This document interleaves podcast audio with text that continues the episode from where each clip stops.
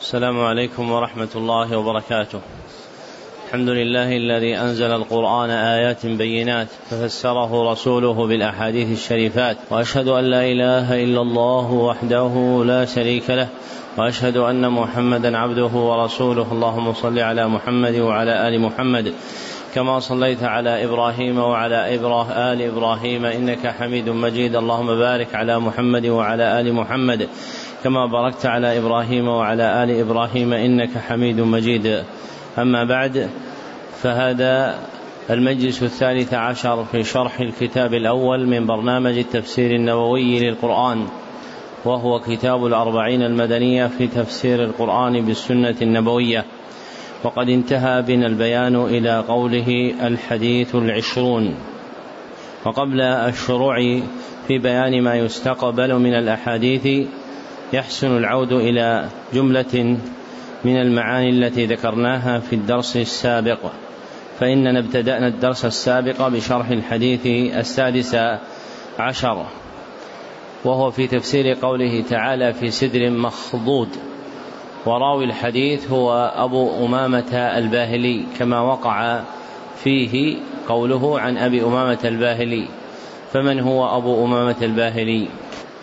هو صدي بن عجلان ابن وهب الباهلي يكنى أبا أمامة وبه شهر سكن مصر مدة طويلة ثم تحول إلى حمص فمات بها سنة ست وثمانين وله من العمر كم سنة؟ سنة. وله من العمر مئة وست سنوات. ثم ذكرنا أن هذا الحديث الذي ذكرناه عن أبي أمامة أنه قد أخرجه الحاكم لقوله رواه الحاكم وصححه وإذا أطلق العزو إلى الحاكم فالمراد به المستدرك على الصحيحين وهذا الحديث قد اختلف في وصله وإرساله والمحفوظ فيه أنه مرسل عن سليم بن عامر رواه ابن أبي الدنيا في كتاب صفة الجنة مرسلا. والحديث المرسل من أنواع الحديث الضعيف وذكرت لكم بيتا في ضبط حده وبيان حكمه وهو نعم. سنت. ومرسل الحديث ما قد وصف برفع تابع له وضعفا ثم ذكرنا أن هذا الحديث وقع تفسيرا لقول الله تعالى في سدر مخضود وبينا أن الراجح في معنى هذه الآية. نعم. أحسنت. هو السدر الذي نزع شوكه. هو السدر الذي نزع شوكه. طيب سؤال لماذا اختص السدر بالذكر من بين الشجر؟ جميل أحسنت. السدر هو من الشجر الذي تحبه العرب وكان في بواديها ولم يكن يزرع في بساتينها وجنانها. فكان من امتنان الله عليهم الوعد به بأن يكون في البساتين التي وعدوا من الجنات. ثم أتبعناه بالحديث السابع عشر وهو في تفسير قوله تعالى وظل ممدود. وراويه هو أبو هريرة عبد الرحمن بن صخر ابن عبد ذي الشرى. توفي سنة سبع وخمسين بالمدينة وله من العمر ثمان وسبعون سنة رضي الله عنه. وهذا الحديث متفق عليه أي مما أخرجه البخاري ومسلم وهو في تفسير قوله تعالى وظل ممدود وبينا أن معنى وظل ممدود نعم يا أخي. إيش؟ أحسنت. أن ظلها ممتد لا يتقلص وهو دائم كما قال الله عز وجل أكلها دائم وظلها يعني وظلها دائم أيضا. ثم في الحديث الثامن عشر وهو من رواية أبي هريرة رضي الله عنه وقد أخرجه مسلم وحده دون البخاري وهو في تفسير قوله تعالى هو الأول والآخر والظاهر والباطن ووقع في الحديث تفسير ذلك بقوله صلى الله عليه وسلم اللهم أنت الأول فليس قبلك شيء وهذا متعلق بأزليته سبحانه وتعالى وأنت الآخر فليس بعدك شيء وهذا متعلق بأبديته سبحانه وتعالى وأنت الظاهر فليس فوقك شيء وهذا متعلق بعلوه وفوقيته وأنت الباطن فليس دونك شيء وهذا متعلق بإحاطته سبحانه وتعالى ودنوه وذكرت كلمة عن القرطبي في هذا في تفسير هذه الآية. قال نعم سنت قال وقد شرحها رسول الله صلى الله عليه وسلم شرحا يغني عن قول كل قائل عن قول كل قائل. وتقدم أنه قال في موضع من تفسيره أحسن. قال وتفسير رسول الله صلى الله عليه وسلم أولى وأعلى وأحسن. وإذا ثبت الخبر عن النبي صلى الله عليه وسلم في التفسير لم يحتج معه إلى قول غيره. ثم ذكرنا الحديث التاسع عشر وهو في تفسير قوله تعالى يسعى نورهم بين أيديهم وبأيمانهم وهو هو من رواية عبد الله بن مسعود. وقد عزيناه وقد عزوناه إلى الحاكم في مستدركه وإسناده. جميل وإسناده جيد أو حسن. والجيد في اصطلاح أهل العلم كما قال السيوطي مرتبة فويق الحسن ودون الصحيح فهي أشبه ما تكون بأعلى رتب الحسن فهي تتطامن عن مرتبة الصحيح وهي من جملة ما يندرج في اسم الحسن ذكره في تدريب الراوي.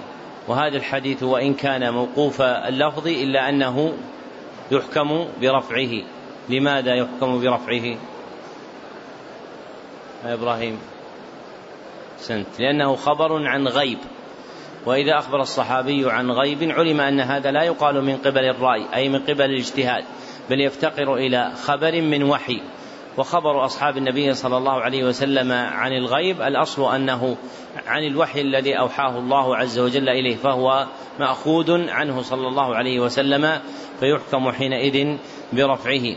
وذكرنا أن هذا الحديث فيه بيان مقادير الأنوار كما قال يؤتون نورهم على قدر أعمالهم منهم من نوره مثل, مثل الجبل. وعند ابن أبي شيبة ومنهم من نوره كالنخلة ومنهم من نوره كالنخلة. والحاكم أخرج هذا الحديث من طريق ابن أبي شيبة. ومنهم وأدناهم نورا من نوره على إبهامه يطفأ مرة ويوقد أخرى.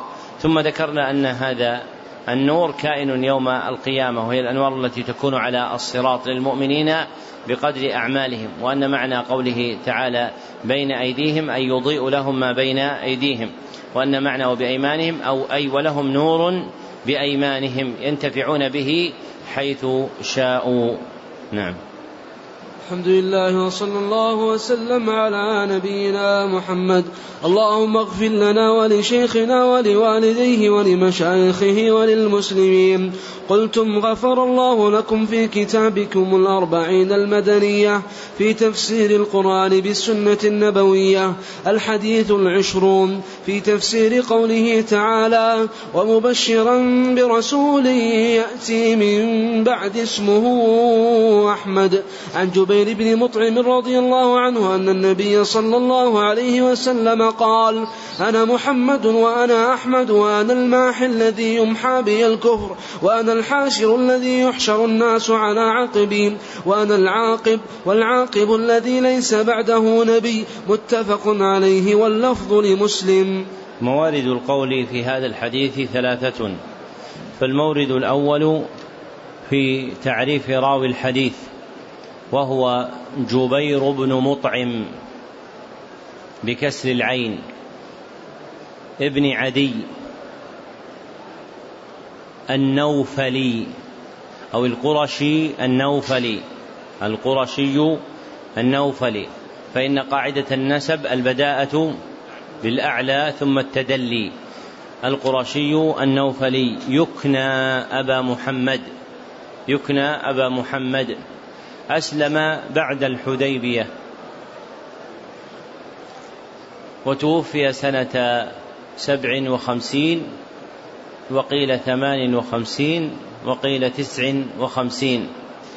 فتوفي في النصف الثاني من الخمسينيات الهجية الأولى. فهو متوفى سنة سبع وخمسين وقيل ثمان وقيل تسع وخمسين وكان عارفا بالأنساب لأنه أخذها عن أبي بكر الصديق رضي الله عنه فلم يكن بعد وفاة أبي بكر أحد أعرف بأنساب العرب من جبير بن مطعم رضي الله عنه وأرضاه.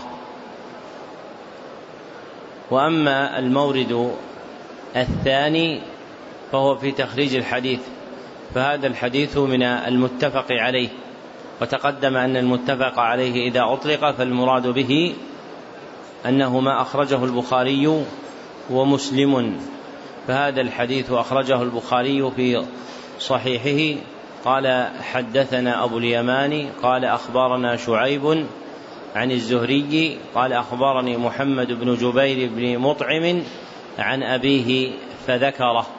وأخرجه مسلم في صحيحه. قال حدثني إبراهيم بن المنذر.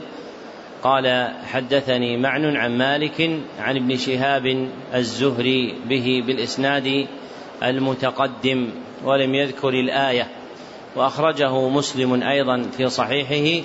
قال حدثنا إسحاق بن إبراهيم وزهير بن حرب وابن أبي عمر واللفظ لزهير قال إسحاق أخبرنا وقال الآخران حدثنا سفيان بن عيينة عن الزهري أنه سمع محمد بن جبير بن مطعم عن أبيه رضي الله عنه فذكر هذا الحديث.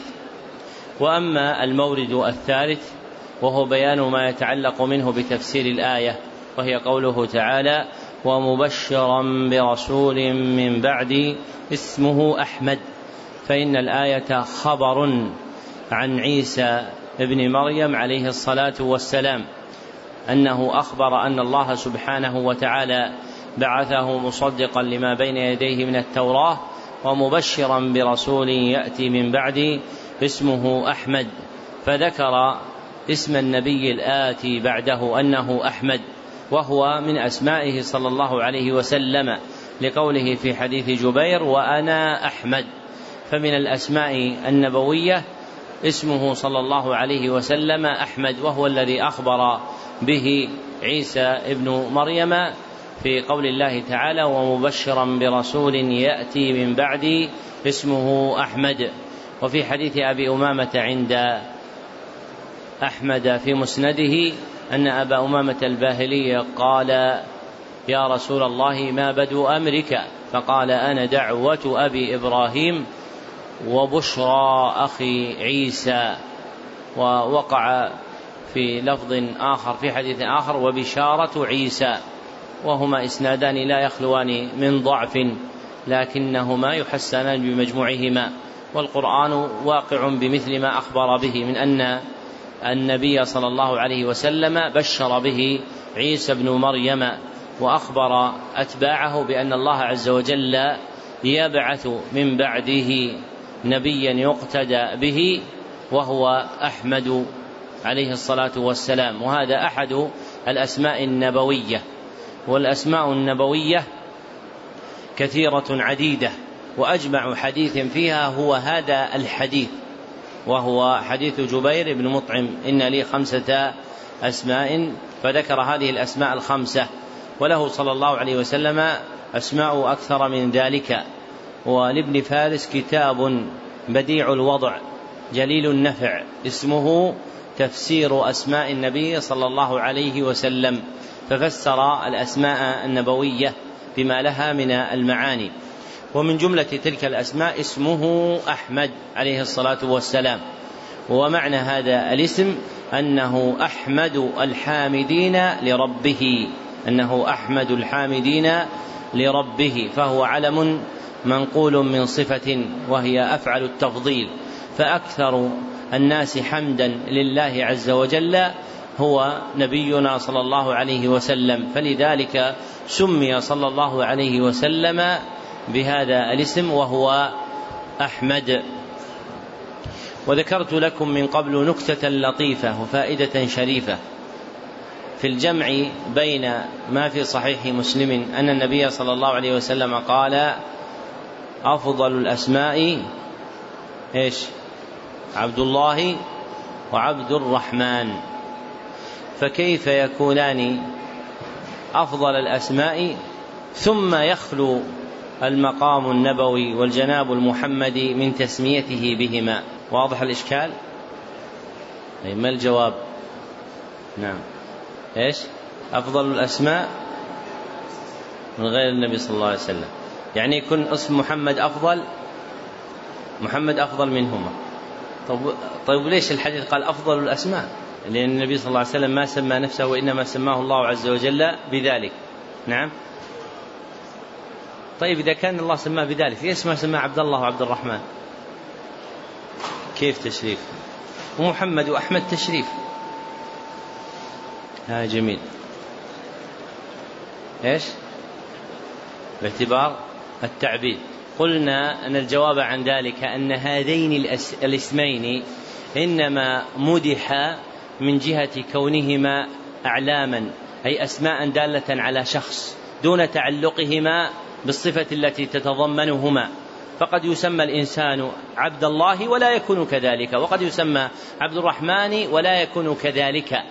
أما اسمه صلى الله عليه وسلم محمد وأحمد فإنه صلى الله عليه وسلم قد بلغ الكمال في العبودية لربه عز وجل فاستغنى عن الاسم الدال على ذلك وترقى إلى مقام أعظم وهو أنه حمد ربه أكمل الحمد فحمده الله سبحانه وتعالى أبلغ الحمد فهو أحمد ومحمد. واضح؟ عبد الله وعبد الرحمن يسمى بها العبد رجاء أن يكون عبدا لله وعبدا للرحمن فلأجل هذا الشرف في الاسم كان أفضل الأسماء. والمعنى الذي تضمنه وهو العبودية قد حظي النبي صلى الله عليه وسلم به من ربه ثم وقع حمده لربه بهذه العبودية أكمل الحمد. فكان أحمد وحمده الله عز وجل على ذلك أبلغ الحمد فكان محمدا صلى الله عليه وسلم. أما باعتبار غيره فإن عبد الله وعبد الرحمن هي أفضل الأسماء كما أخبر صلى الله عليه وسلم في حديث أبي هريرة. نعم. أحسن الله عليكم.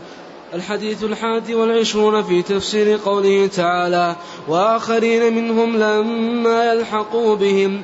عن أبي هريرة الدوسي رضي الله عنه قال كنا جلوسا عند النبي صلى الله عليه وسلم إذ نزلت عليه سورة الجمعة فلما قرأ وآخرين منهم لما يلحقوا بهم. قال رجل من هؤلاء يا رسول الله؟ فلم يراجعه النبي صلى الله عليه وسلم. حتى سأله مرة أو مرتين أو ثلاثا قال وفينا سلمان الفارسي. قال فوضع النبي صلى الله عليه وسلم يده على سلمان ثم قال لو كان الإيمان عند الثريا لناله رجال من هؤلاء. متفق عليه واللفظ لمسلم. موارد القول في هذا الحديث ثلاثة فالمورد الأول في تعريف راوي الحديث. وهو عبد الرحمن ابن صخر ابن عبد ذي الشرى الدوسي يكنى بأبي هريرة وبكنيته اشتهر.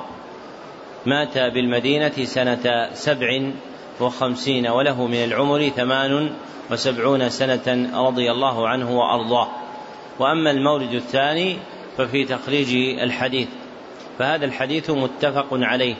أخرجه البخاري في صحيحه قال حدثنا عبد العزيز بن عبد الله قال حدثنا سليمان بن بلال عن ثور عن أبي الغيث عن أبي هريرة رضي الله عنه فذكر الحديث. وأخرجه مسلم رحمه الله تعالى في صحيحه قال حدثنا قتيبة بن سعيد قال حدثنا عبد العزيز يعني ابن محمد عن ثور بالإسناد المتقدم فهو حديث متفق عليه من حديث ثور عن أبي الغيث عن أبي هريرة رضي الله عنه وأخرجه مسلم مختصرا من حديث عبد الرزاق عن معمر عن جعفر الجزري عن يزيد بن الأصم عن أبي هريرة رضي الله عنه. وأما المورد الثالث فهو بيان ما يتعلق منه بتفسير الآية وهي قوله تعالى وآخرين منهم لما يلحق بهم لما ذكر الله سبحانه وتعالى امتنانه على الأميين إذ بعث فيهم رسولا منهم يتلو عليهم آياته ويزكيهم ويعلمهم الكتاب والحكمة وإن كانوا من قبل لفي ضلال مبين. ثم قال وآخرين منهم لما يلحق بهم. فسأل رجل الرسول صلى الله عليه وسلم فقال من هؤلاء يا رسول الله؟ فلم يراجعه النبي صلى الله عليه وسلم. أي بالجواب حتى سأله مرة أو مرتين أو ثلاثة أي أعاد سؤاله عليه. قال وفينا سلمان الفارسي. قال فوضع النبي صلى الله عليه وسلم يده على سلمان ثم قال لو كان الإيمان عند ثريا لناله رجال من هؤلاء. يعني من فارس. فيكون قوله تعالى وآخرين منهم لما يلحقوا بهم بتفسير النبي صلى الله عليه وسلم وهو أحسن التفاسير. كما قال القرطبي لما ذكر الاختلاف في ذلك قال وقد فسره النبي صلى الله عليه وسلم بأنه متعلق بفارس فيكون معنى قوله وآخرين منهم لما يلحق بهم من يأتي من المسلمين من فارس فيكونون هم الممدوحون بهذه الآية. ومن فارس إيش؟ إيران. يقول الأخ إيران. هي بلاد فارس كما قال الأخ. لكن هذا هذا فارس هو فارس بن جابر بن يافث بن نوح فهم من نسله في أحد الأقوال أن هذا نسبه وقيل في فيه غير ذلك. ولكن المهم أن فارس هذه التي هي البلد الموجود اليوم باسم إيران قال قال ياقوت الحموي لما ذكر كلاما نافعا قال وأما فارس فنار خمدت ثم ماتت. يعني لم يتخرج منها أحد من العلماء. وصدق. قال والعرب إنما تقول فارس تريد المشرق. وهذا من من مما سبق أن ذكرت أن معرفة الوضع اللغوي وما كان عليه حال العرب من قبل يعين على فهم الأدلة الواردة. فالعرب كانت إذا أرادت المشرق كله قالت فارس. فإيران وما وراءها إلى روسيا كلها يسمى في الخطاب الشرعي بفارس كما كانت العرب تسميها وهو الواقع. فإن الذي تخرج منهم العلماء وكان منهم النبلاء والمجاهدون هم آخر البلاد الفارسية من وراء إيران من جهة خراسان. وخراسان بعضها اليوم في إيران وبعضها في أذربيجان خارج إيران. فالمقصود أن المراد بفارس بلاد المشرق مما هو وراء البحر. فكل ما كان وراء ما يسمى اليوم بالخليج العربي هذا كله فارس. ومنه الأئمة الكبار أصحاب الكتب الستة البخاري ومسلم والترمذي والنسائي وأبو داود وابن ماجة فإنهم كلهم من تلك الجهات. وليس أحد منهم اليوم من القطر المسمى إيران بخصوصه وإنما من آخر إيران مما كان يسمى خراسان كسجستان والتي ينسب إليها اليوم فيقال السيستاني فسجستان وترمذ وما وراءها. تلك هي البلاد التي تخرج منها العلماء والفقهاء والنبلاء رحمهم الله تعالى. فالأمر كما قال ياقوت خلافا لما ذهب إليه بعض شراح الحديث وإنما الصواب أن فارس عند العرب بلاد المشرق فإنه يسمونها فارسا. وذكرت لكم من قبل أن معرفة الأوضاع المتعلقة باللسان العربي وبأحوال العرب تعين على فهم النصوص. تعين على فهم الأدلة كما سبق معنا أن النبي صلى الله عليه وسلم قال فراش للرجل وفراش لامرأته وفراش للضيف والرابع الشيطان كما في الصحيح. وها هنا إشكال يرد ووقع فيه بعض شراح الحديث وهو أن النبي صلى الله عليه وسلم سمى فراشا للرجل وفراشا لامرأته مع أن الثابت من سنته صلى الله عليه وسلم أنه كان ينام مع أهله في فراش واحد. لكن الفراش الثاني الذي أشار إليه النبي صلى الله عليه وسلم في قوله وفراش لامرأته هو ما كانت تتخذه المرأة العربية لحاجتها في تمريض ولدها أو في إرضاعه. أو في غير ذلك من أحوال رعايته فتنفصل حينئذ عن زوجها وتخلص فراشا يختص به ذو الحاجة من أولادها يكون قريبا منها. ومن لا يعرف هذه الحال العربية يتكلم في معنى الحديث بغير هذا كما وقع فيه بعض شراح الحديث. نعم. أحسن الله إليكم الحديث الثاني والعشرون في تفسير قوله تعالى وأنفقوا مما رزقناكم من قبل أن يأتي أحدكم الموت. عن أبي هريرة الدوسي رضي الله عنه قال جاء رجل إلى النبي صلى الله عليه وسلم فقال يا رسول الله أي الصدقة أعظم أجرا؟ قال أن تصدق وأنت صحيح شحيح تخشى الفقر وتأمل الغنى ولا تمهل حتى إذا بلغت الحلقوم قلت لفلان كذا ولفلان كذا وقد كان لفلان. متفق عليه واللفظ للبخاري. موارد القول في هذا الحديث ثلاثة فالمورد الأول في تعريف راوي الحديث وهو عبد الرحمن بن صخر بن عبد ذي الشرى. الدوسي يكنى أبا هريرة وشهر بهذه الكنية توفي سنة سبع وخمسين في المدينة النبوية وله من العمر ثمان وسبعون وتقدم طرف من أخباره رضي الله عنه. وأما المورد الثاني فهو في تخريج الحديث فهذا الحديث متفق عليه. أخرجه البخاري رحمه الله تعالى في صحيحه. قال حدثنا موسى بن إسماعيل قال حدثنا عبد الواحد قال حدثنا عمارة بن القعقاع قال حدثنا أبو زرعة قال حدثنا أبو هريرة فذكر الحديث. وهذا إسناد مسلسل بالتحديث عند البخاري. فكل راو من رواته قال حدثنا فلان قال حدثنا فلان إلى تمامه. وأخرجه مسلم في صحيحه. قال حدثنا أبو كامل الجحدري قال حدثنا عبد الواحد بالإسناد المتقدم فهو حديث متفق عليه من رواية عبد الواحد عن عمارة بن القعقاع عن أبي زرعة عن أبي هريرة رضي الله عنه. وأخرجاه أيضا من طرق أخرى عن عمارة بن القعقاع عن أبي زرعة عن أبي هريرة رضي الله عنه. وأما المورد الثالث فهو بيان ما يتعلق منه بتفسير الآية وهي قوله تعالى وأنفقوا مما رزقناكم من قبل أن يأتي أحدكم الموت ففسر النبي صلى الله عليه وسلم إتيان الموت أحدنا بقوله حتى إذا بلغت الحلقوم فالموت الذي أخبر عن إتيانه للعبد في الآية فسر ببلوغ هذه الحال وهو بلوغ الحلقوم وذلك بخروج بمقاربة خروج الروح من الجسد. ومراد النبي صلى الله عليه وسلم بذلك عند رؤية علامات الموت.